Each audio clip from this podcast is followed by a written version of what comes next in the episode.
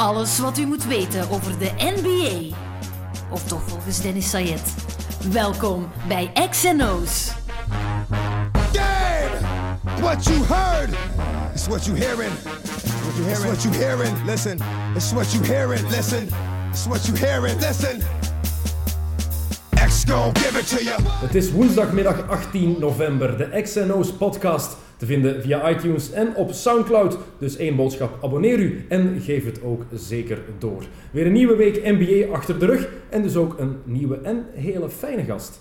Thomas Drezen, ehm prospeler van Leuven, dat mag ik niet meer zeggen als we jouw naam noemen. Ehm, kan je vertellen wat er gebeurd is of is het allemaal nog eh, ja, te vers nu? Eh, ja, ik ben inderdaad dus geen profspeler van Leuven. Eh, contractueel ben ik nog steeds verbonden aan de club, dus ik mag eh, momenteel er nog niet te veel over zeggen. Eh, het is een heel delicate situatie. eh, maar kijk, ik heb ook met de club afgesproken er heel weinig over te communiceren. En gewoon de komende weken zal daar wel het nodige over gezegd worden. Maar het is, Eh, geen, het is geen mooie situatie. Hè? Nee, het is absoluut geen prettige situatie. maar kijk, ik zal de komende weken wel ook mijn verhaal erin gaan doen. Momenteel moet ik nog even afwachten, omdat ik contractueel nog steeds aan de club verbonden ben. En ja, we zullen zien. Het is natuurlijk helemaal niet prettig als profspeler eh, aan de kant geschoven te worden. Zeker op zo'n manier, als de resultaten ook niet goed zijn, eh, is dat extra pijnlijk natuurlijk. Hè? Ja, goed, gaan we over leukere dingen praten, eh, over de NBA. Ehm, jij bent ook een enorme NBA-fan. Van waar komt die liefde bij jou eigenlijk? Ik, ben, ik ben opgegroeid in een familie puur basketbal. Mijn vader was secretaris in basketbal en dan krijg je als baby met de paplepel in, in, ja, in de mond gestoken natuurlijk. Hè.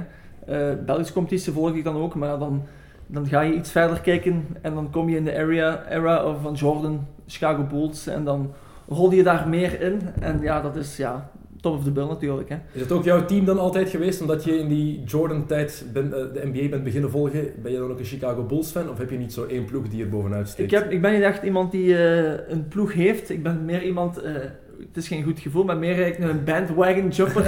Ik ben iemand die meer hypes opzoekt en dan gaat kijken van waar, waar- wat is de, ja, van waar komt de club eigenlijk, of de franchise natuurlijk. Eh, wat, wat hebben ze vroeger gedaan, wat zijn de veranderingen geweest. En, en dat, dat is hetgene wat ik meestal opzoek van... eh, eh, wat is een verandering? Welke spelers hebben ze gerecruiteerd? Welke hebben ze buiten gestampt? Of welke hebben ze niet meer in gebruik? En dat is voor mij altijd heel fijn om te zien van eh, hoe dat GM's meestal omgaan in die situaties. Maar was het van thuis uit dan ook vroeger dat jullie echt gewoon die NBA elke week samen matchen keken of zo? Ik weet, ik deed dat met mijn vader. Ik keek elke week één of twee wedstrijden uit de NBA, ehm, waardoor ja, die liefde alleen maar groter wordt natuurlijk. Mijn broer kwam er later dan ook bij.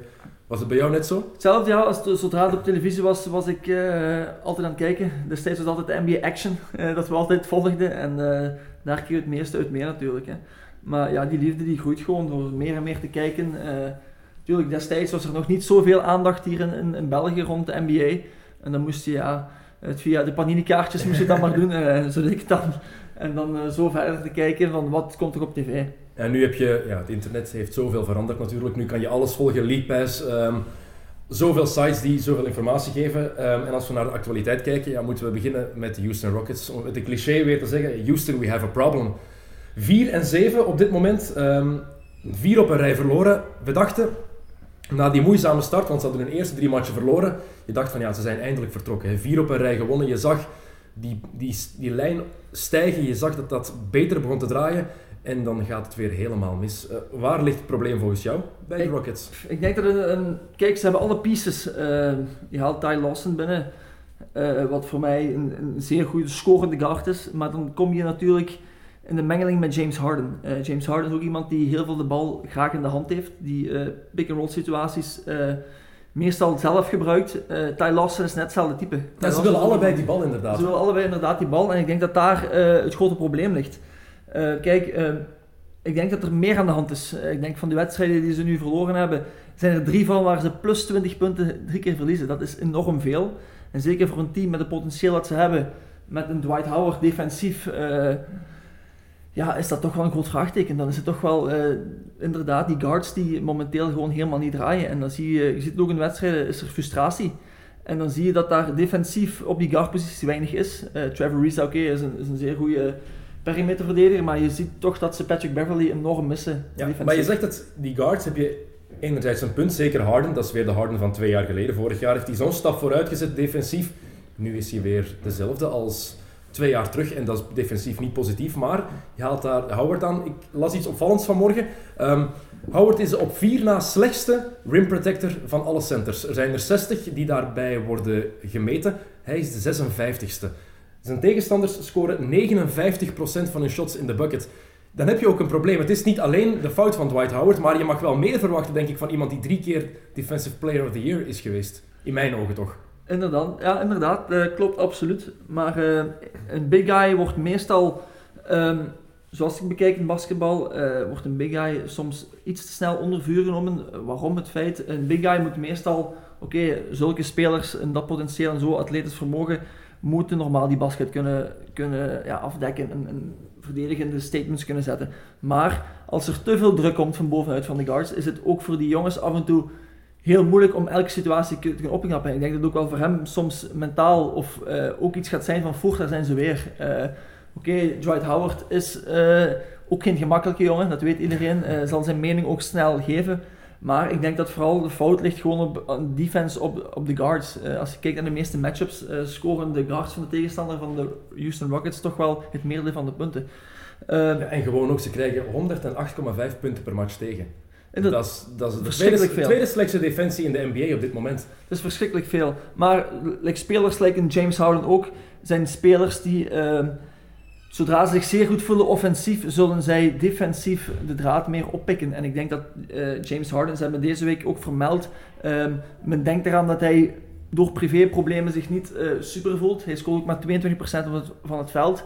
Ja, de, Kardashian-vloek die blijft. De, de Kardashian-vloek, Kardashian hij zou het naar het schijnt heel moeilijk hebben met met het feit, ja oké, Lamar Odom is een verschrikkelijk verhaal, maar dat zijn vrouw nu enorm veel tijd spendeert met, uh, met Odom. En ik denk dat dat misschien ook wel uh, privéredenen kunnen een, een, factor zijn, maar uh, zo'n topspelers, zeker kaliber James Harden, die maar 22% van het veld schiet, dat is, dat is, ja, dat is heel heel zwak. Hij scoort er wel 27 gemiddeld, wat enorm veel is, maar 22% is ja, dat is, dat is gewoon enorm laag. En hij gaat altijd een manier vinden om te scoren ook. Dat is James Harden. Inderdaad. Dat zal hij altijd doen. Mhm. Maar je voelt het ook. En ook rond die club, er hangt daar een negatief sfeertje ook gewoon. Ze hebben in eigen huis zeven matchen gespeeld, maar twee van gewonnen.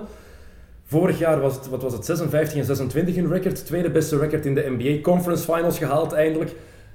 En nu zie je dat gewoon vaak tijdens matchen. Ze geven gewoon op. Geven, sommige plays dat ze na 18 seconden gewoon stoppen met spelen. En dan weet je dat je een probleem hebt. Die, inzet die moet daar altijd zijn. En de spelers en coaches zelf zeggen ook van ja, het ligt niet alleen aan, aan wat we doen, het ligt ook aan gewoon onze defense. Die is gewoon niet goed genoeg. En die inzet. En als er één ding is wat je moet hebben, dan is het gewoon die, die volledige effort. En dat is er voorlopig niet bij Houston. Absoluut niet, maar ik denk dat de terugkeer van Patrick Beverly daar wel enorm gaat een, een, toe, een goed toedragen zijn voor de ploeg. Wat moet je dan doen? Moet je dan Lassen naar de kant halen? Ik denk dat dat de grootste, dat gaat nu de grootste job zijn voor uh, Michael. Uh, van wat ga ik daarin doen? Uh, ga ik Lawson aan de kant zetten? Oké, okay, Lawson is ook iemand die offensief heel veel brengt. Vertrouwen zal bij hem dan ook slenken. Maar hij zal nu aan die defensies moeten gaan doen. Ik denk dat hij met uh, James Harden genoeg offensief materiaal heeft in die starting line-up om dat te moeten proberen. Ik denk dat het de enige reden gaat zijn om ja, daar iets te gaan veranderen. En dan, Lawson eigenlijk, en dan Lawson als leider van die second unit, als daar de, de scorer eigenlijk op het veld Inderdaad, dat, dat, dat missen ze ook. Die second unit, daar is niet echt iemand dat je kan zeggen van gaat scoren. Oké, Corey Brewer is wel iemand die uh, in transitie veel scoort, maar in setplay is Corey Brewer ook niet de meest fantastische offensieve speler. Jason Terry is oud geworden. Eigenlijk Capella is nog een work in progress. Klopt. Uh, ja, het is, het, is, uh, het is een mix, maar ik heb ook gelezen van de week dat de GM ook helemaal geen kritiek uit op McHale. Dus, dus nee, die blijft buiten schot. Hè? Buiten schot, absoluut. Maar het is ook iemand, McHale heeft ook die, door het laatste jaar, oké, geen, geen superresultaat als coach, maar toch wel iemand die ja, toch wel de nodige, moet ik zeggen, uh, grinta heeft binnen, binnen de NBA en die ook wel het nodige respect krijgt. Dus ik denk dat zo iemand op zo korte basis nu, op zo korte tijd, zoveel kritiek uit op de coach zal ook niet goed zijn. Dus er zal misschien binnen de spelersploeg wel iets schorten wat men nog niet naar buiten gebracht heeft. En wat mij ook opvalt, je hebt daar de twee leiders, Harden en Howard, de twee beste spelers in die ploeg ook. Maar dat zijn niet de beste leiders in de NBA. Hè. Als je echt kijkt naar wat een leider in een ploeg kan zijn, kijk naar een Kevin Durant en een Russell Westbrook. Kijk naar een LeBron James bij Cleveland. Naar een Draymond Green bij Golden State. Die mannen die kunnen het voortouw nemen.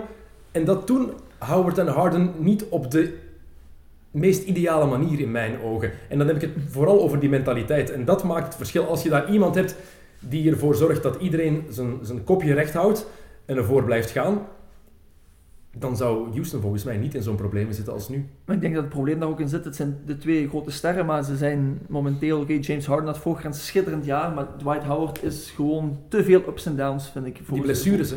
blessures. Plus ook, hij heeft wedstrijden oké, eh, waar hij maar eh, 8 puntjes scoort, 9 rebounds. Dat, iets, een persoon als Dwight Howard, daar moet je meer van verwachten. En ik denk dat dat ook het probleem is. Dat als je als main guy die nummers niet zet, heel veel geblesseerd bent, eh, je ook die rol niet vastkrijgt in een ploeg. En er zitten heel veel karakters in het Houston team. Eh, Ariza, Terry, eh, noem maar op. Ook jongens met ervaring, dus die gaan ook niet te snel daarop inpikken. En James Harden, ja, ik denk dat hij gewoon met, met zichzelf in de knop zit. En het is, zoals men zegt, een, een salonspeler.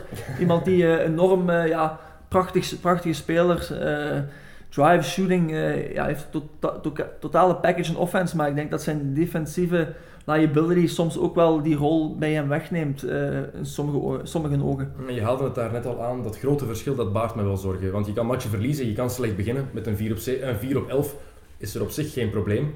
Maar als je daar vier matchen van verliest met meer dan 20 punten verschil, ja, dan wordt het gewoon heel moeilijk. En dat, dat baart mij echt zorgen voor, eh, voor Houston.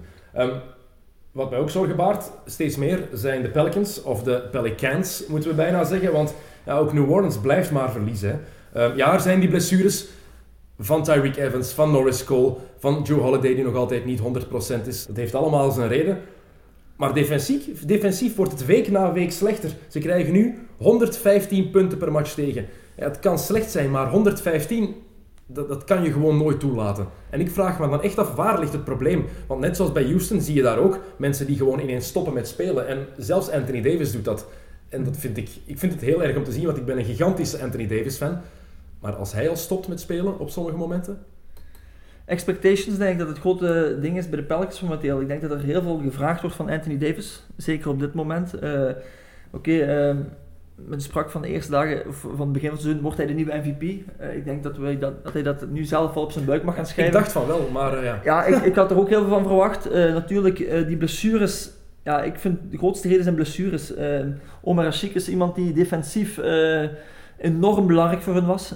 Als je nu ziet dat hun line-up steeds is met Anthony Davis op de center en met Anderson op de vier, ja, dan, dan vraag je om problemen. Zeker eh Denk je 1 dat? tegen 1 matchups, 4 5. Ik vind, ik vind, ja, Anthony Davis is een zeer goede verdediger, maar omdat je zoveel van hem vraagt, offensief en Mhm. defensief, gaat hij zich op bij momenten eh, niet eh 100% kunnen inzetten in defense. En dat zie je ook. En Anderson is geen topverdediger, dat weet iedereen. Dat is ja, niet de beste verdediger. Nee, totaal niet. Maar ik ben ook geen, geen, geen fan van die combinatie Ashik-Davis, Ajinsa-Davis. Met zo'n twee grote jongens. Ik denk zeker in dit tijdperk in de NBA, dat, waarin small ball toch veel wordt gespeeld, dat dat moet werken met een Davis op de vijf. Maar dan moet je hem inderdaad beter omringen. En voorlopig hebben ze gewoon die kwaliteiten ook niet. En Cunningham en een G zijn goede jongens als je die van de bank kan laten komen. Maar met die blessures wordt het heel moeilijk. Maar dat is in mijn ogen nog altijd geen excuus om die effort niet te hebben. Net zoals bij Houston. Ja, je kan problemen hebben. Ja, je kan die mannen hebben die afwezig zijn die je nodig hebt. Maar, maar als die effort daar niet is, dan, dan, dan, dan zit het gewoon mis. Maar je had het net aan, als je kijkt eh, naar de minuten eh, per minuut wedstrijden, is op de derde plaats staat Cunningham, op de vierde plaats staat G, op de vijfde plaats staat eh, Smith. Ja, dan weet je genoeg. Dus momenteel is het potentieel er niet. Ze missen enorm Holiday. Op, ja, lang, Holiday speelt nu wel, maar hij heeft restricted minutes. Dat betekent dat hij door die blessure maar een aantal minuten per wedstrijd mag spelen. En iemand van die kwaliteit, ja, dat wordt enorm gemist. Norris Cole is een goede floorleader, maar ook defensief zeer goed. Iemand die ja, een kuitenbijter, zoals men dat noemt. Ja, dat is het probleem met Holiday, die amper mag spelen. En zonder Norris Cole heb je twee guards minder. Twee mannen die zo belangrijk zijn in een ploeg. Plus een Tyreek Evans die eigenlijk voor een guard ja, enorm vies is. Is een zeer sterke jongen, groot. Die kan je op de 1-2 positie laten verdedigen. En dat is momenteel het grote probleem van de Pelicans. en zelfs op de drie, als je wil. kan, kan door zijn fysische uh, atletisch vermogen natuurlijk. Maar dat is nu momenteel het probleem. Dat men ook door uh, al die druk, dat ik net ook zei bij de Rockets, dat is defensieve druk die centers krijgen. Anthony Davis moet zich op momenten inhouden, want offensief uh, is er momenteel niemand die uh, de lading kan dragen bij de Pelicans. En uh, je ziet ook, Davis scoort wel 26 punten per wedstrijd, 10 rebounds, indrukwekkende nummers, tegen de 38%. Is nog, kan wel niet top. Hè? Maar als je zoveel moet doen, als je zoveel maar als je moet doen, moet doen, inderdaad, geeft dat heel veel druk op hem. En dan ja, gaat het, ja, is de boot een beetje aan het zinken. En ik denk dat, Lionel Hollins nu, eh, sorry, Alvin Gentry, sorry, eh, die nu ja, de headcoach is, die kan je ook geen verwijten gaan geven van wat er verkeerd is, want het is gewoon, er zijn te veel blessures en eh, daardoor komt er ook natuurlijk, als je in die negatieve spiraal zit, gaat ook die effort een Ja, beetje zoek tuurlijk. gaan en daar, ja, dat is gewoon heel moeilijk. En ook gezegd, die bank bij hun is gewoon verschrikkelijk, eerlijk Afgelopen- gezegd. Dus- Afgelopen nacht hebben ze hun vierde match op een rij verloren tegen Denver met, wat was het, 98, 115 cijfers, redelijk duidelijk. Eh, in eigen huis dan nog. En helemaal erg. Eh, Anthony Davis geblesseerd uitgevallen. Het leek mee te vallen, een schouderblessure. Maar het blijft daar ook maar duren. Hè. Het stapelt zich op. Elke keer opnieuw is er slecht nieuws. Tyreek Evans die zou de komende weken moeten terugkomen. Maar dat gaan ze ook heel voorzichtig doen. Serieuze ingreep aan de knie gehad. Ehm, ik denk dat de playoffs eerlijk gezegd al onmogelijk zijn voor New Orleans op dit moment. Het is nog heel vroeg. Ze hebben amper 11 matchen gespeeld. Maar als je maar één van je eerste 11 matchen wint in de Western Conference, dan is het praktisch onmogelijk om, om nog terug te komen. Ik denk in het Westen moet je sowieso minimum 45 wedstrijden winnen. Sowieso, anders kan je echt eh, problemen krijgen qua playoff spot. En wie zegt dat ze aan de 40 gaan geraken? Dat is voor mij een, groot vraagteken. Gaan ze de 40 wel halen? Ik vrees er zelfs al voor, zeker eh, op deze manier. En als nu inderdaad, eh, je weet nooit, worst case, het niet goed is met Anthony Davis, gaan, gaan de Pelicans met een enorm serieus probleem zitten. Eh, een andere ploeg die de playoffs ook niet gaat halen in mijn ogen zijn eh, de Sacramento Kings. Daar ehm, gaat het een beetje beter de laatste weken. Sinds eh, de Marcus Cousins, de laatste weken, wat zeg je, de laatste dagen moet ik eigenlijk zeggen. Sinds Cousins terug is, ehm, drie op een rij gewonnen.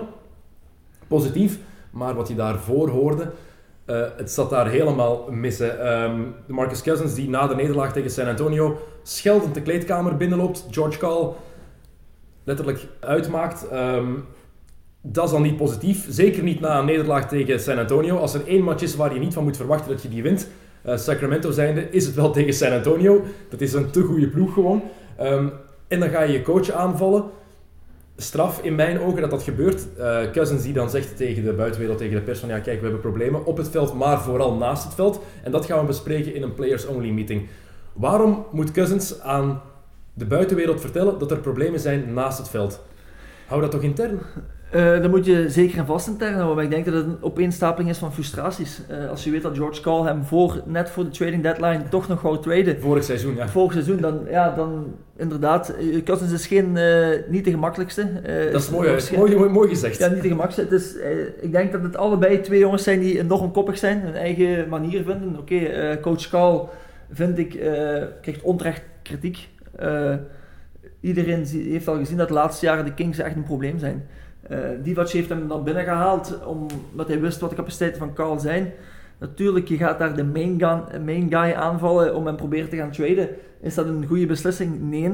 Waarom niet? Omdat de GM plus Divac ervan overtuigd zijn dat, eh, dat Cousins de, de, groot, ja, De een van de franchise player, hè? player gaat zijn. En dat ze echt wel proberen terug eh, ja, die, winning, eh, die winning mentality terug naar Sacramento te halen. Eh, dan is het inderdaad ook niet slim van coach Carl hem te willen traden. Maar je moet ook verstaan dat de resultaten de laatste jaren niet goed zijn geweest. Dus zijn ze ook aan het zoeken van waar kunnen we gaan wisselen, wie kunnen we gaan, ja, waar kunnen we gaan zoeken. Misschien dat, dat ze ze aan gedacht hebben, wie kan je traden voor Cousins? Dat is ook een grote vraag, eh, wat voor mij ook helemaal niet aan de orde is. Want, Nee, maar er eh, zijn heel veel ploegen die hem willen. Hè. Denk, aan, denk aan een Boston bijvoorbeeld. Daar Boston, hem bij Boston zou enorm, zou- enorm welkom zijn bij Boston. Maar ik denk dat dat voor Sacramento helemaal niet eh, een goed idee is. Maar eh, ja, dat is iets dat absoluut intern moet blijven. Ik denk dat coach Call ook de nodige ervaring heeft. Gary Payton schreef van de week nog, of hij heeft aan Cousins verteld van geef hem de tijd. Het is iemand met enorm veel ervaring. Ik heb destijds ook met Sean Camp en zulke mannen in Seattle waren ook geen makkelijke Nee, ik karakters. wou net zeggen, met Gary Ja. Payton was zo'n Gary Payton, speciaal ja, persoon. en Sean Camp daarbij ook nog een keer. Dus als je die twee al in het gareel kunt houden, eh, moet je toch daar de nodige ervaring hebben. Maar ik denk het gewoon dat eh Cousins enorme frustraties heeft van de laatste jaren. Eh, maar ze hebben het potentieel. Hè? Ze hebben Rondo, die nu schitterend bezig is. Ik denk nu de laatste wedstrijd drie triple-doubles heeft Verrassend, hè? Heel verrassend. Dus ik begrijp ook echt die fra- frustratie niet van Cousins. Eh, Ja, het is het verliezen gewoon. Ik denk Het dat hij dat verliezen- kotsbeu is. Absoluut, Maar wat mij echt opvalt, die problemen naast het veld, die kunnen er zijn. Dat is dan één ding. Mhm. Dan willen ze die players-only meeting houden. Alle respect voor. En Divac die beslist daar anders over. Hij zegt nee, we gaan dat niet doen. Players-only meeting gaat niet door. We halen de coach en eh, heel, heel de coachingstaf daarbij en het bestuur. Maar ik begrijp ook niet Dan, dat dan er... frons ik mijn wenkbrauwen. Er, er, moet, er moet toch geen players meeting zijn als er alleen frustratie tussen de coach en de speler. Dus ik begrijp niet dat een speler daarin gaat zoeken van Eh, waarom zou ik mijn spelers tegen mijn coach moeten gaan Oh, nee, omdat hij ook zegt dat er echt problemen zijn tussen de spelers naast het veld. Dat komt er Ja. nog eens bij. Dat komt eh, zegt hij. Mhm. Maar ja, eh, wat ook zo is, net zoals bij New Orleans en bij Houston, is dat Sacramento een van de slechtste defensieve ploegen is in de NBA. Dat blijft ook zo. En wat je al zei, je hebt die kritiek op George Karl. Kan je het nog wel aan, nadat hij kanker heeft gehad, Ja. is hij enorm verzwakt. Ehm, het is niet meer de energieke coach die je destijds zag bij Seattle, bij Milwaukee. Dat is veranderd. Dus ik vraag me dat soms ook wel af van... Ja, over zijn basketintellect, daar staan, bestaan geen twijfels over. Dat heeft hij Mhm. genoeg bewezen. Offensief ingestelde coach. Kijk wat hij met Denver gedaan heeft. Was het drie jaar geleden? Oké, in de playoffs uitgeschakeld Ja, door Golden State toen in de eerste ronde. Maar een geweldig seizoen gehad, 2012, 2013. Dus daar zit genoeg talent. Maar dan gaat hij naar Sacramento. En sinds 2005, 2006 hebben ze daar al negen coaches gehad. Het is gewoon de meest chaotische franchise in de hele NBA. Klopt, klopt. Maar als ik terug moet komen op defensieve, ik vind eh, het heel raar dat een ploeg als Sacramento met zoveel atletisch vermogen, Rudy Gay, eh nu Stein hierbij komt, eh, je hebt een Rondo die defensief ook zeer atletisch en je hebt Cousins, vraag ik me, stel ik me echt vragen, is het niet mentaliteit en, en vechtlust die ze daar missen? Ik denk dat dat ook wel een groot gegeven gaat zijn in Sacramento. Want ik blijf erbij, talent is er. Hè. Je- ze halen Bellinelli nog binnen. eh, Oké, prachtige preseason en die, ziet men, die zie je nu ook niet. Dus eh daar moet wel ergens een frustratie zijn, dat kan ik begrijpen, eh, doordat je wedstrijden verliest. Maar eh, ik denk eh, dat ze daar de koppen met elkaar moeten steken en toch een keer duchtig zullen moeten praten. Want ze hebben, de pieces zijn er om zeker een, een playoff team te zijn, maar het moet er natuurlijk ook uitkomen. Ja, en je hebt natuurlijk ook gewoon ja, dat bestuur daar. De be- beslissingen die zij genomen hebben de laatste jaren. Ze bijvoorbeeld ze draften in 2013 Ben McLemore. Op zich oké keuze, die trouwens nu ook al verbannen is naar de bank door George Karl, mag al amper spelen. En het jaar daarna pakken ze Nick Stauskas. Exact dezelfde positie, dus iemand die ze totaal niet nodig hebben. Vreemd. Jaar verder, dit jaar, de draft, ehm, zesde pick. Emmanuel Moutier is nog beschikbaar. Hadden ze nodig toen een point guard en ze gaan voor Willie Cauley-Stein.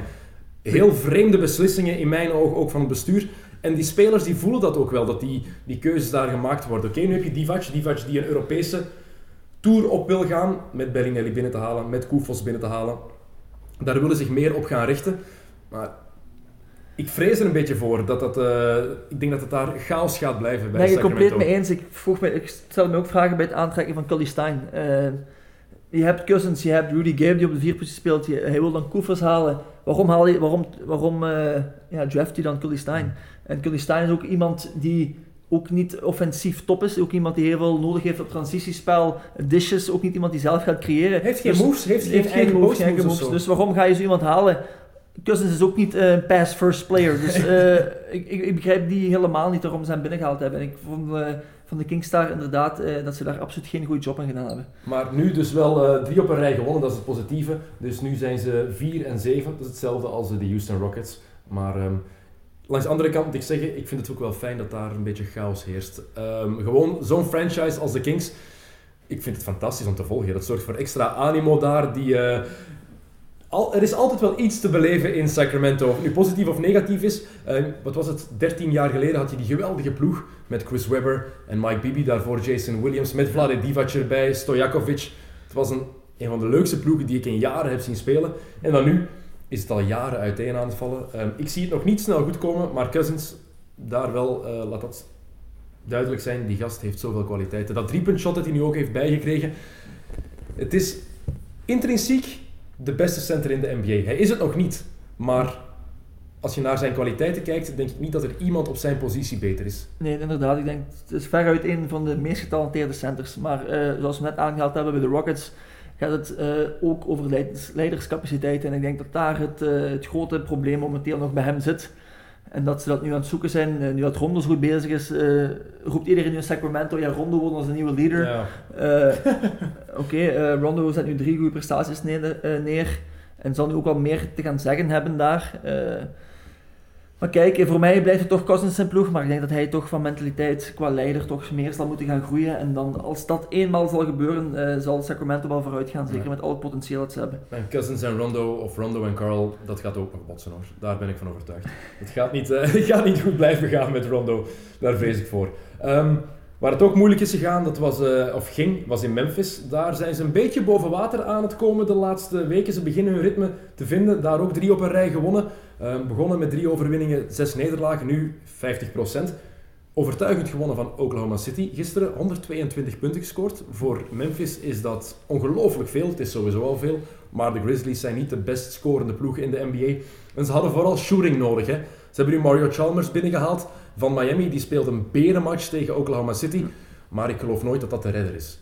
Uh, ik denk inderdaad niet dat het de redder is. Ik denk dat vooral het probleem met Memphis... Uh, ja, offensief is, blijft dus Achilles. Uh, blijft naar Achilles hè. Dus offensief is er niet genoeg creativiteit om uh, wedstrijden te winnen. Oké, de defense staat er, maar ik denk dat de grote reden is, is dat Marc Gasol nog niet top is. Nee. Marc Gasol is nog iets te wisselvallig.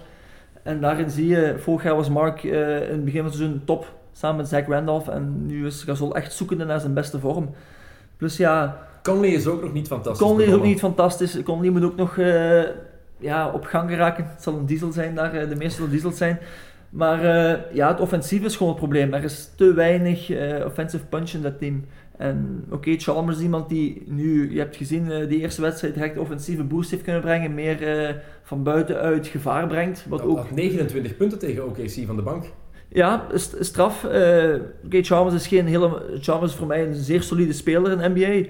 Uh, maar niet iemand waar je moet gaan, van verwachten dat hij uh, elke wedstrijd er 25 gaat binnenshotten. Dat kan je in Memphis ook niet van hem verwachten. Maar het geeft natuurlijk voor hun een, extra dimensie offensief, uh, die van buitenuit een dreiging gaat zijn, door dan meer inside-outside game te gaan spelen met de big guys. Maar Marcus Zolt zou toch wel een stapje hoger moeten gaan. Ja. Waar ik mee gelachen heb, is het nieuws dat ze in Memphis ook verkondigden. Um, ze haalden Mario Chalmers binnen en ineens was het, ja, we hebben kampioenervaring. Ja, Chalmers heeft die twee titels gewonnen, maar dat is niet de man waar je dat echt bij moet gebruiken. Hij was een belangrijke pion voor Miami in die titelruns, maar cruciaal was hij ook niet. Hè? Nee, hij was een echt, een echt, Miami was echt een roleplayer. Hè? Dus voilà. uh, hij, hij, uh, ja, hij, hij, strafte eigenlijk soms de, de double teamings of de triple teamings op LeBron en Chris Bosh en Dwayne Wade af door goede outside shooting.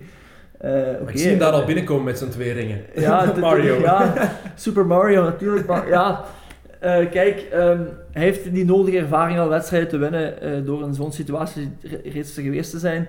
Maar dit is een heel andere franchise. Hè. Uh, Miami is meer glamour offensief met LeBron en Dwayne Wade destijds. Maar dit is gewoon zeer defensief. heel andere mentaliteit, heel veel inside game. En dat zal, zoals ik net zei, zal hij wel een belangrijk stuk daar gaan spelen van die inside-outside game. Om dan toch meer ruimte te geven aan de, aan de Zibo en aan Marcus. Veel meer oldschool basketbal ook. Hè. Ik denk wel dat ze daar iets drastisch moeten doen.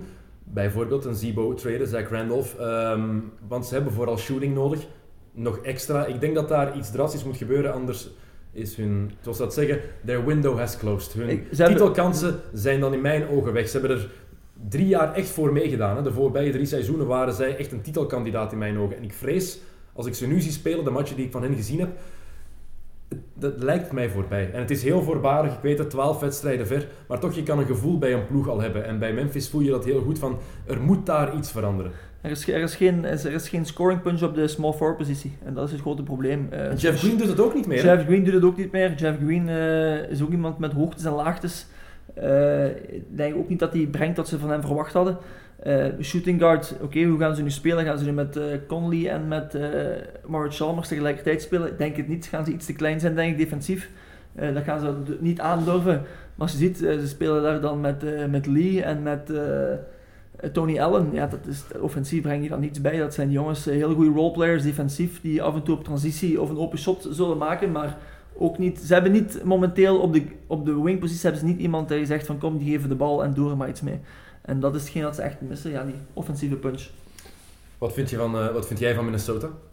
En Minnesota is heel fun om naar te kijken momenteel. Uh, ja, Downs, wauw, schitterend. Ik denk voor mij nummer 1 rookie momenteel. Uh, ver uit. Oké, okay, Okafor doet het ook goed, maar Downs doet het alles. Hè. Kan alles, hè? van buiten Kan alles van buiten. Ik, ik vind hem zeer dominant inside zelfs. Ik denk dat hij boven ja, 60% af... Hij werkt echt enorm goed af inside. En niet gewoon gewoon lichte inleggers. Het is allemaal echt uh, fysisch contact zoeken. En die, die right hook is bij hem echt impressionant. En uh, natuurlijk de mix met Wiggins, uh, die voor mij super sterke capaciteit heeft, maar ook af en toe een topwedstrijd afwisselt met een zeer, met een zeer matige wedstrijd. En ik denk dat dat voor hem het volgende gaat zijn, de volgende stap gaat moeten zijn. Niet vergeten, hij is nog altijd maar 20. Hij is 20, 20 jaar. Hij is 20 jaar, inderdaad. Maar ik denk dat, dat dat zal de rode reden zijn als de Timberwolves playoffs willen halen.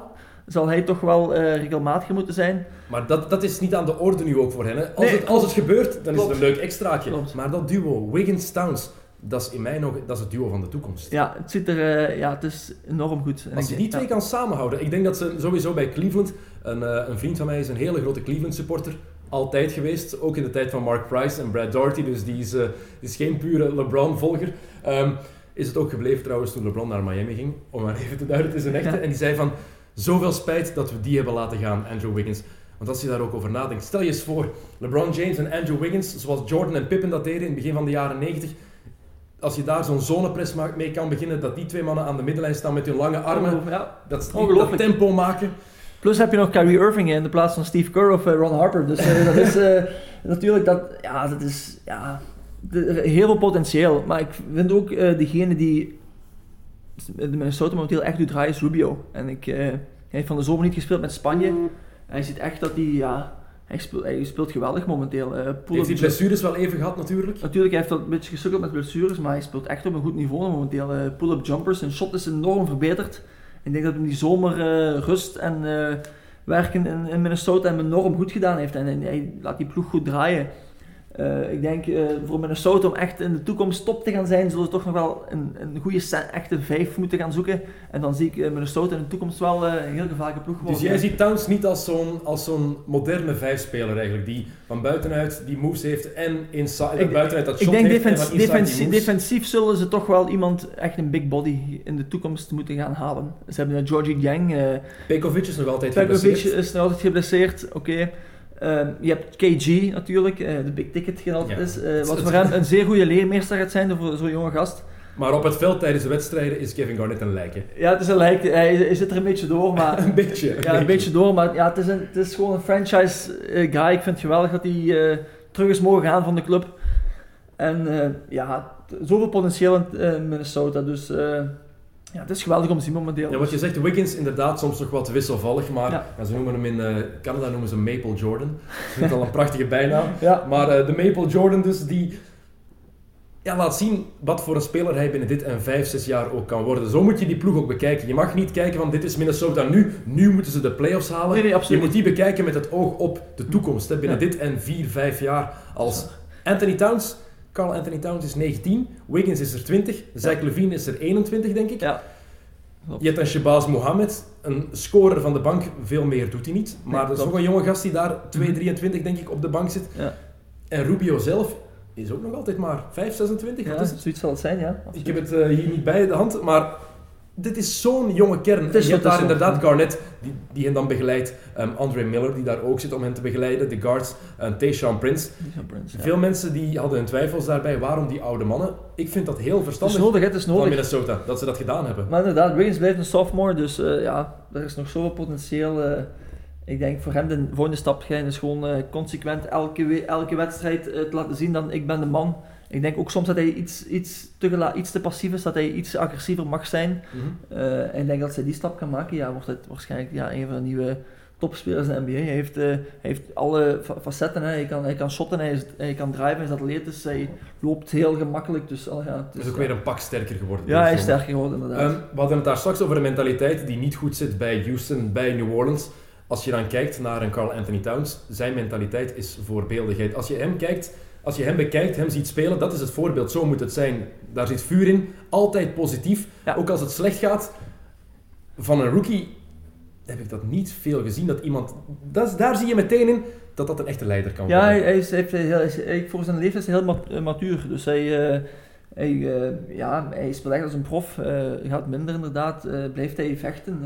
Ik denk dat KG daar ook wel enorm veel mee te doen heeft. Ook iemand die altijd blijven vechten is. Altijd zeer positief geweest is. Eh, denk maar aan de tijd bij de Boston Celtics met Glenn Davis. Negativiteit, ja. Begon hij al te weten, want KG zat op zijn kap. dus ik denk dat het een heel goede mentor voor hem is. Maar inderdaad, eh, voor mij, eh, ja, het is een echte prof momenteel. En hopelijk... kan hij dat blijven doorzetten. Ik wens hem al, alleszins toe. Ik zie hem heel graag spelen. Het is een echte allrounder, een full package. Dus, Het is mijn, als, ik, als ik NBA kijk op League Pass, ik kijk altijd even naar Minnesota. Gewoon als, als ze bezig zijn, even zappen, gewoon omdat die zo leuk zijn om te bekijken. Ja, absoluut. al, winnen ze, al verliezen ze hun matchen, het bl- het blijft heel fijn om te zien. En voorlopig is het een playoff kandidaat op eh, dit moment. 5 en 6 en daarmee staan ze bijna ja, staan ze op de negende plaats in de Western Conference. Dus eh, wie weet. Dat kan. het kan voorlopig nog. Ehm, heb je de DeAndre Jordan saga wat gevolgd de afgelopen zomer? Met zijn Eh. beslissing om naar Dallas te gaan en dan weer terug te komen op zijn beslissing. Zijn huis dat belegerd werd door de Clippers. Ik, ik, vond, ik vond het eigenlijk een geweldige soap. Zeker, eh, oké, DeAndre Jordan is offensief, eh, ja, hoe moet ik het zeggen? Beperkt. Heel beperkt. Dus eh, hij krijgt de kans naar Dallas te gaan om daar een betere rol te krijgen. Is dat een, is dat een, kan hij een betere rol krijgen in Dallas? Dat was mijn vraag altijd. Het is iemand die geen post moet heeft. Hij heeft niet de skills om inside de bal te geven en doe er iets mee. Heeft hij absoluut niet. Dus Heeft vond- die touch ook niet, hè? heeft hij touch helemaal niet. Dus ik vond eigenlijk heel raar dat hij voor Dallas koos. Maar Dallas is ook een ploeg die eigenlijk zocht naar een nieuwe identiteit. Dirk Nowitzki-era lijkt... Oké, hij laat nog maar vlagen zien van, tegen nu eh, de Clippers 31 punten, 11 rebounds, was Dirk weer fantastisch. Maar ik denk dat ze toch iets naar het nieuws op zoek zijn. Eh de dacht te, vonden hebben, te vinden in eh, DeAndre Jordan. Ik had er mijn vraagtekens bij gesteld, omdat ik vond dat Jordan toch wel beter past in het systeem van de Clippers. Oké, eh, die saga wordt dan iets, eh, groot, iets meer uitvergroot door Cuban, die dan natuurlijk eh, daar mooi op inspeelt. Maar kijk, het was maar een keuze, er was niks officieel getekend, dus eh, ja... eh, Is dat, is dat het probleem van het moratorium, zoals ze dat ook noemen? Want in de free agency heb je een moratorium van vijf dagen, waarin je dus je woord kan geven aan een ploeg, maar nog wel de tijd hebt om daarop terug te komen. Moet dat veranderen naar 48 uur bijvoorbeeld? Eh, nee, kijk, maar ik, ik ben van principe, geef je woord, eh, een mens een woord ik altijd belangrijker dan een papiertje. En eh, ik, vond, ik, ik heb me eigenlijk kapot gelachen van de week. Eh, ik was aan het kijken naar de wedstrijd en ik zag, zag ik daar een bord en daar stond op DeAndre, your word, eh, your word is terrible as your free throw percentage. ja, is as terrible as your free throw percentage. Ik heb zitten lachen, geweldig. Ja, dat woord, oké, zoals ik net zei, wo- een woord geven vind ik heel belangrijk in het leven. Als je een woord geeft van kijk, dit of dat en dat, moet je het nakomen. Eh, voor Delft is het dan natuurlijk extra pijnlijk. Eh, maar ja, eh zo be it, hij is nu altijd nog een clipper. Eh, het was leuk om te zien hem nu de eerste keer in Dallas. Hij is goed geboet geweest. En, Hij is ongelooflijk ja, uitgejouwd. Enorm. Wat ik dan zo straf vind ook daar, ja, werd uitgejouwd door de supporters. De, de Dallas Morning News, een krant, daar had ook een foto van DeAndre Jordan als duivel in de krant gezet. Ja. dat de mensen dat konden uitknippen en als masker konden gebruiken. Ehm, maar de supporters in Dallas die jouwen hem uit, schelden hem uit voor de rot van het straat. Maar dan gaan ze naar de Cowboys kijken, NFL-ploeg. Daar speelt een man met de naam Greg Hardy, waar net heel veel nieuws over is naar buiten gekomen dat hij zijn vriendin heel zwaar heeft toegetakeld. Zijn foto's van verspreid ook. En die kunnen ze dan wel aanmoedigen. Jeff Van Gundy die haalde het aan tijdens de match van hoe hypocriet kan je zijn? Oké, het zijn waarschijnlijk niet allemaal dezelfde supporters, maar ik vind wel dat, dat hij daar een punt heeft. Die Andre Jordan, oké, had zijn woord gegeven, maar die jongen is gewoon van gedacht veranderd. Dat gebeurt zoiets, hè? Ik, ik vind het ook, er zijn ergere dingen in het leven. En ik denk, eh, als je dat punt aanhaalt van, van, de, van de Cowboys, ja, is het verschrikkelijk. Eh, dat heeft niks te maken met gewoon je woord geven. Dat is gewoon eh, hoe, als je, hoe je als persoon bent. En ik denk dat het niet correct is dat je vrouw afslaat thuis. Absoluut niet. Maar Dus, dan eh, moeten die supporters... Ja, dan dat moet- vind, ik, dat vind ik ja, heel belachelijk. Dus het is belachelijk voor woorden. Natuurlijk, er is altijd een, een gevoel van fan zijn, dat je je een beetje opzij geschoven voelt door Ja. DeAndre Jordan. eh, dat je denkt van ja, die man gaat mijn, eh, mijn ploeg of mijn franchise hier eh, komen verbeteren. Dat is natuurlijk pijnlijk, maar zoiets kan je niet vergelijken. Ik geef van Gundy daar 100% gelijk in. Het is absurd en zeer hypocriet van de van fans in het algemeen in Dallas dat ze daarop, daar zo op reageren. Maar kijk, ze hebben ze verslagen, iedereen was tevreden. Dirk was extreem gemotiveerd en ja, ik vond ook Wet- eh, Matthews eh, geweldig. Ik had eh, echt grote vragen bij hem in het begin van het jaar. Waarom zouden ze hem zo'n groot contract geven? Na zo'n zware Na zo'n blessure, blessure. Eh, begint, er nu, begint er nu door te komen en je ziet, ja, Dallas is een ploeg, hoogtes en laagtes, ze, hebben niet, ze zijn niet meer van de jongste, met Williams erbij, maar ja, het was een goed resultaat voor hun. En de Clippers, ja, oké, hij had geen schitterende wedstrijd, 9 punten, 11 rebounds, voor mij toch wel die Andre Jordan numbers, oké, niet schitterend, omdat hij ook niet, Maar die rebounds, daar heeft hij er vaak ook meer van. Hè. ja, hij heeft hier vaak meer van, oké, 11 rebounds eh, kan er door, zeker voor zijn, eh, voor zijn eh, doen en voor zijn atletisch vermogen. Maar het was ook geen, ik had meer van hem verwacht. ik dacht dat hij extra gehyped zou zijn om een goede prestatie neer te zetten. Leek ook zo bij de team presentation, maar het is er niet van gekomen. Eh, wel leuk wat je zegt, Wesley Matthews die lijkt stilaan de oude te worden en als hij top is, is het een van de vijf beste shooting guards in de NBA. Defensief kan hij alles, geweldige shooter, want voor iedereen begon te praten helemaal over Stephen Curry, was hij de man met, die de meeste driepunters binnenknalde in de NBA voor jaren aan een stuk eigenlijk. Ehm, Mark Cuban, de eigenaar van de Mavericks, die ook nog wat nieuws had over DeAndre Jordan, want uh, wilde dan even vertellen aan de pers dat hij de alle sms'jes had bijgehouden die DeAndre hem gestuurd had. En ooit ging hij die wel eens allemaal laten zien. Uh, maar nu was daar het moment nog niet voor. Ook weer lekker volwassen van, van uh, Mark Cuban. Dus, maar toch, sms'jes... toch, toch, een kleine hint als jullie toch even moeten kijken. Ik denk dat de starters hebben een hilarische compilatie van gemaakt op NBA TV. een, eigen, ah, een eigen soap gemaakt rond de berichtjes. Dus als ik zou zeggen, een tip om even te kijken, echt hilarisch. De starters met het textingberichtjes tussen DeAndre en Mark Cuban. Het zijn altijd die mannen, de starters. Ja. Ik ben ze altijd dankbaar voor hun bijdrages ook. Um, in de Western Conference heb je ook, ja, we hebben het vandaag eigenlijk vooral over het Westen. Um, je hebt daar ook de Denver Nuggets, die het op zich niet zo heel slecht doen. Um, staan voorlopig op een zevende plek in het Westen, tweede in de Northwest, op gelijke hoogte van Oklahoma City. Um, met Emmanuel Moutier, we lieten zijn naam al even vallen daarnet toen we het over Sacramento hadden. En Jason Kidd die had een opvallende uitspraak daar voor de mensen van de, van de schrijvende pers in uh, Milwaukee en in Denver. Die zei van ja, uh, wordt beter dan ik ooit ben geweest. Kidd, uitspraak. het is een van de beste point guards die er ooit heeft rondgelopen. Ja. Ik vond het heel straf dat iemand dat zegt, want ja, Moutier, je ziet het talent, je ziet het potentieel, maar beter dan Jason Kidd? Ik vind het ook een heel straffe uitspraak. Uh, Oké, okay, hij heeft, heeft, heel veel potentie. Hè. Het is een uh, 19-jarige jongen. Fysiek enorm sterk. Uh, zeer groot ook als een guard. Hij heeft meter 96, ja. 6'5. ja, transitie is hij enorm snel. Zeker met die lengte. Hij finisht zeer sterk rond basket. En ja, door die, door die lichamelijke sterkte heeft, hij ook een enorm goede rebounder. Maar wat me enorm op, opgevallen is ook de maturiteit dat hij al heeft. Hij laat het, de ploeg zeer goed spelen.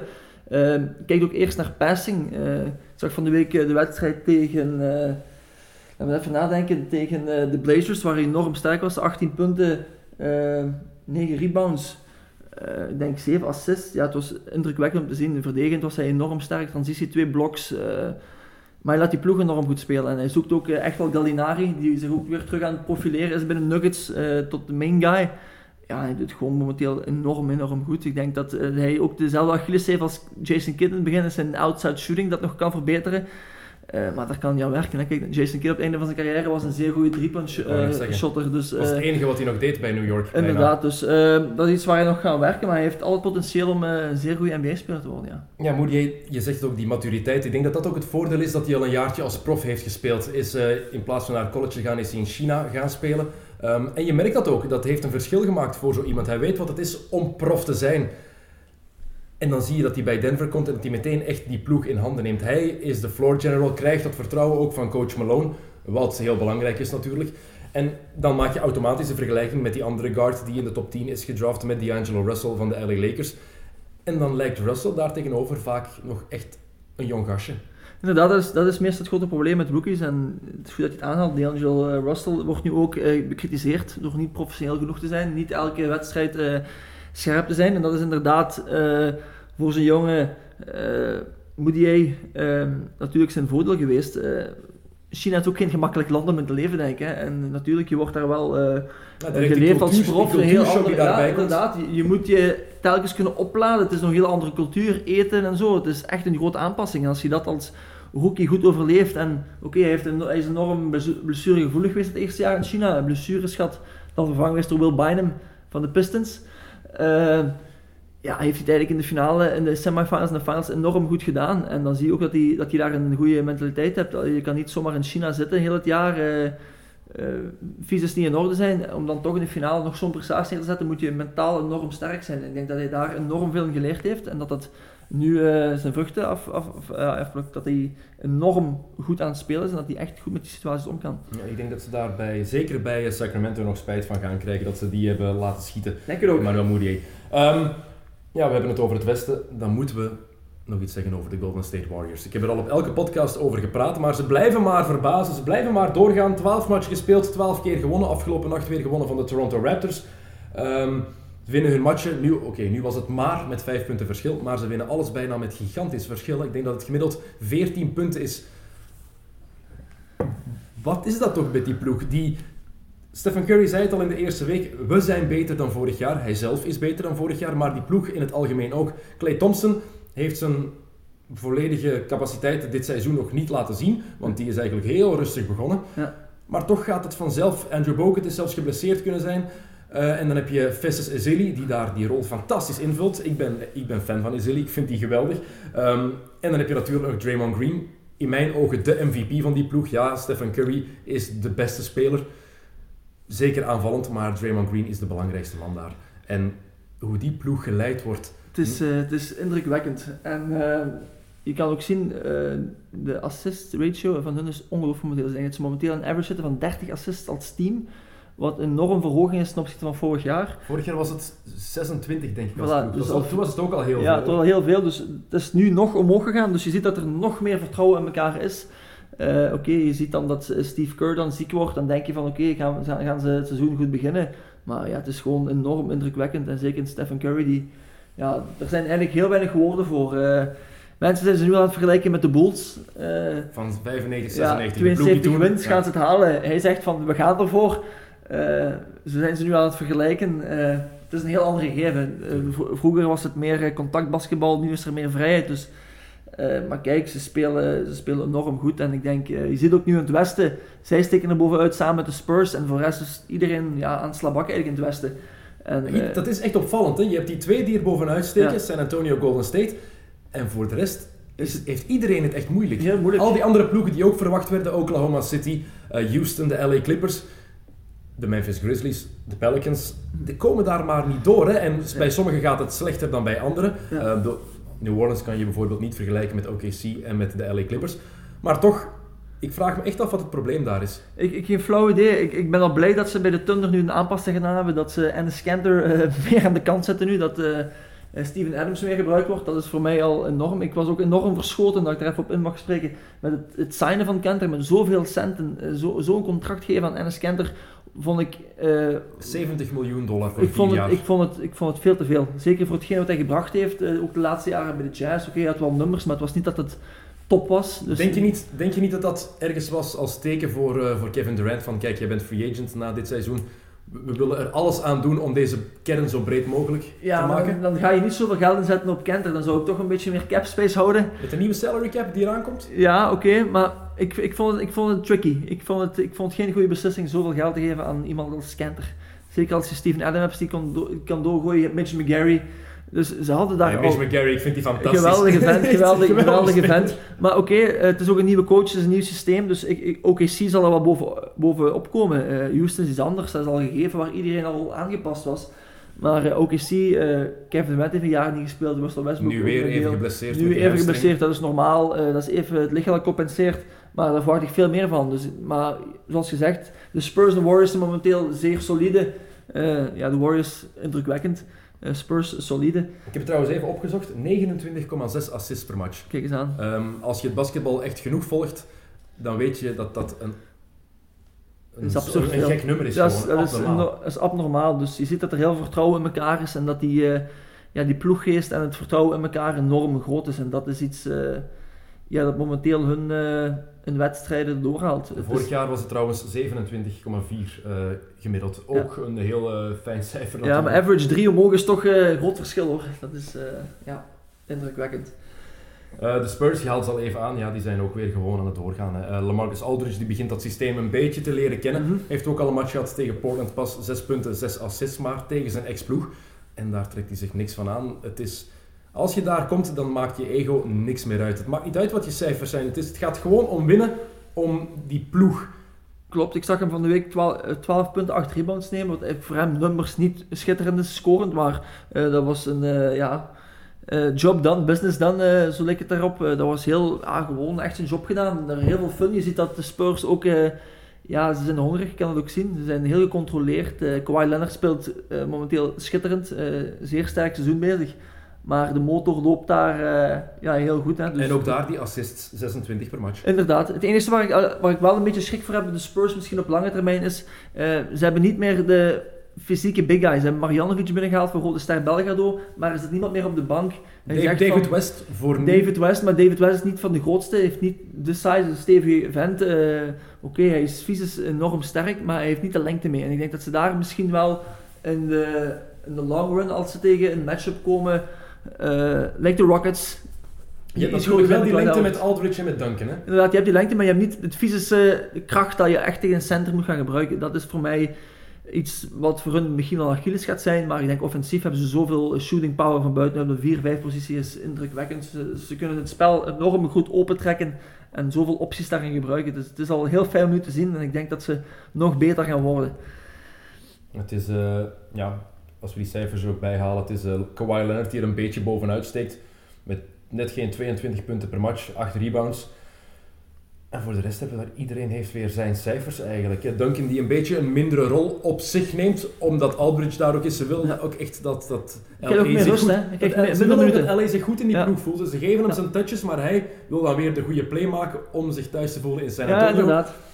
Maar het is goed, want zijn minuten worden nu heel goed eh, gecontroleerd. Hij speelt niet te veel minuten meer Duncan. Ze willen hem echt fris houden tot op het einde. En ja, dat heb je nu eenmaal zo. Je hebt Diao, je hebt West, je hebt Aldridge. Er is genoeg ervaring. 27 minuten per match speelt hij op dit aan. moment. Voilà, dat Enkel eh, Aldridge en Leonard spelen meer dan 30 minuten gemiddeld. Voilà, en dat is dus- ook maar 31 voor Aldridge en 33 Voilà, voor ik denk Leonard. dat dus- vorig jaar eh, Duncan tegen de 31 minuten gemiddeld zat. Dus dat is toch 4 minuten verschil. Als je het allemaal gaat uitrekenen op En een jaar, is dat veel. Ja. Is dat enorm veel. Dus dat is iets wat belangrijk is. Maar ik denk dat eh, als ze nog ene keer nu nog Marjanovic naar het systeem kunnen krijgen. Oké, hij is niet de snelste, hij is lichamelijk niet sterk, maar hij is enorm groot. Dus ik denk, ja, de Spurs zijn voor is- mij... eh, Dat ik- is, echt, dat is echt een reus, die man. Heb je dat beeld gezien dat hij naast Tyler Hansbrough kwam staan? Ja, enorm. enorm. het, is, het is echt een rust, maar hij is, hij is enorm mobiel. Hè? Dus, eh, ik heb hem enkele keer gezien met Rode Ster. Het is ongelooflijk goede handen, goede passing. iemand heel veel potentieel, maar ik denk puur NBA dat hij misschien de kracht gaat missen tegen de echte big guys op de vijf. Maar eh, ja, er is echt potentieel. En eh, ik zal mijn stoute schoenen doen. Ik, ik zie de Spurs heel ver komen dit jaar. En ik, het is echt mijn eh, favoriet. Ja? Dus, dus ik zie ze heel graag spelen. En het tweede is toch wel OKC. Als zij, als zij in het systeem komen van Donovan, dat ze denk ik toch wel gaan verrassen dit jaar. Moet wel. Ze zijn hongerig. Ze zijn daar, hongerig. daar zit Dion Waiters nog altijd. Ehm, je weet misschien, ik ben geen grote Dion Waiters fan. Ehm, ik heb dat eiland al lang verlaten. Nu zou Dion Waiters volgend seizoen naar Philadelphia willen gaan. Ehm, hij komt van Philadelphia en blijkbaar zou hij daar vooral naartoe willen gaan omdat hij daar een max-contract zou kunnen krijgen. Ehm, dat even terzijde, hij heeft al zelf ontkend op Twitter, maar het past perfect bij het, wat, wat ik over Dion Waiters denk. Dat, Hij, hij het anders. Hij dacht daar meer eh, opportuniteit te krijgen, meer shooting. Maar ik, ik vind als je kijkt naar Widders nummers nu, hij mag veel meer eh attempts nemen dan hij deed vorig jaar. Hij doet het niet slecht, vind ik. Nee, doet Persoonlijk, hij doet, het, hij doet het vrij go- goed dit jaar. Dus ik vond het, ik vond het zeer ongelukkig dat zoiets naar buiten kwam. Eh, Oké, Eh, als het voor de max deal is, eh, jongens, een keuze. Maar ik denk dat hij toch liever in een winning franchise zit waar alles goed draait en waar je toch je minuten krijgt. En dat je naar een team gaat waar het absoluut vierkant draait. En ik, waar, geef het, ik geef het niet graag toe, maar hij is inderdaad aan een degelijk seizoen bezig. ja, absoluut. Goed, ehm, tijd voor de plays van de week. Jij mocht er natuurlijk ook in kiezen. Jouw keuze is gevallen op. Kawhi Leonard, Tomahawk dank over Miles Plumley. We hebben die hier erbij. En Mason Plumley, sorry. Mason Goede transitieplay, goede pas van eh, Green. Die de man eerst naar zich toe trekt. En dan ja, heeft, eh, heeft pech dat, eh dat Lennart zijn voeten goed komen te staan. En, ja. Maar niet één keer, dus Ja. een keer in Portland en een keer in, eh, in San Antonio. En bijna elke speler die ik ken in de NBA zou beginnen brullen of onnozel beginnen doen, Leonard draait zich gewoon om. Ja, Niks kleine, gebeurd. kleine high five eh, met Paddy Mills en that's it. En gewoon terug verdedigen. Voilà. Echt, eh, dat is ook wat eh, Greg Popovich altijd aanhaalt over Kawhi Leonard. Van, ik vind hem zo fantastisch omdat hij zo saai is. En Ja. daarmee, dat bedoelt hij positief, van hij Ja. doet niet onnozel. Nee, hij is zeer gefocust altijd. ja, een dunk is maar een dunk. Het zijn twee punten. Het zal zijn filosofie zijn en gewoon verder. Ja, het, is een, het is een enorme professional. Hè, dus eh, altijd eh, zeer hard werkend. Af en toe wel eens een minder wedstrijd waar hij scoort niet tot eh, zijn nutting komt. Maar hij is altijd zo positief in, dat, in die wedstrijd. Het is echt een, echt een hele fijne speler om naar te kijken. Ehm, ik had twee momenten van dezelfde speler ook. Ehm, Jabari Parker, die is weer terug na zijn knieblessure. En tegen de Cavs heeft hij twee keer uitgepakt met een ja, heel lekkere dunk. Eerst met één hand door het midden, waarin je kan zien dat dat atletisch vermogen ja, toch wel oké zit, hè? toch wel terug is. Of één been, eh, ja, zeer krachtige penetratie. En ja, heel goed afgewerkt natuurlijk. En hij gaat kijk hoe enorm hoog hij gaat enorm hoog. En dan had hij die in de tweede helft tegen Kevin Love. En Kevin Love die gaat daar niet goed van geslapen hebben, denk ik. Want het is vooral de move daarvoor eigenlijk die het mooi maakte. Inderdaad, dus ja. Even die crossover. Is Jared Smith die eigenlijk eh, Kevin Love in een slechte positie brengt. Ik denk, uh, hij gaat daar voor de steal. En uh, ja, Kevin Love was gezien, uh, mooie hesitation dribble. En dan ja, van op, vanuit twee benen omhoog, ja, heel goed afgewerkt. Dus je ziet, hij is, hij is fysisch is hij terug de oude. Ik denk zelfs beter. Hij ziet er, als je de commentaren momenteel hoort, zegt men zelfs dat hij er beter uitziet dan dat hij voor zijn blessure was. Dus ja, het is ook niet heel veel potentieel die, ook wel een, eh, die gaat wel een zeer mooie NBA-carrière tegemoet. Ik hoop dat hij helemaal uh, terug fit wordt. De nummer 2 draftpick van vorig jaar na Andrew Wiggins. Na die ja, voor zijn kruisband gescheurd te hebben, blessure die, vorig, uh, die vroeger een carrière eigenlijk totaal, totaal beëindigde. En tegenwoordig is dat, ja, is dat veranderd natuurlijk. Maar Jabari, he is back. En dat zien we allemaal graag. Ja, jij hebt nog één ding dat jij wilde aanhalen. Het is geen echte play, maar het is, het is geen play, een, een nieuwsfeit van deze week. Wat is het? De retirement van... Hiro uh, Turkoglu. Uh, ja, verschitterende carrière, 36 jaar. Uh, zeven NBA-teams gespeeld en uh, ja, iemand die toch wel een fenomenale NBA-carrière heeft gehad.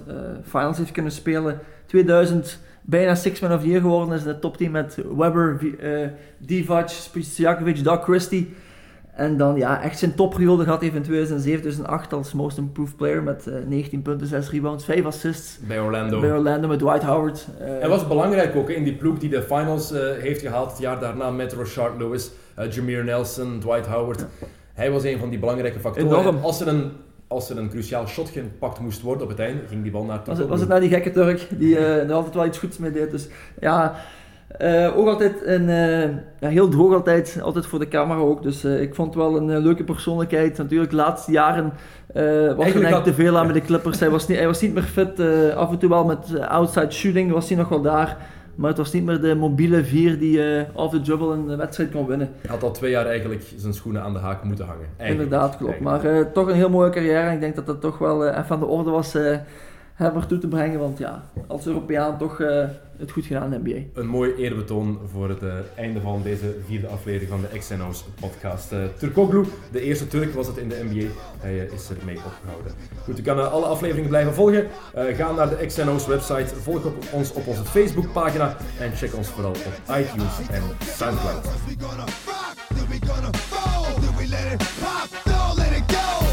gon' give it to you. He gon' give it you. Gon' give it to you. He gon' give it to you.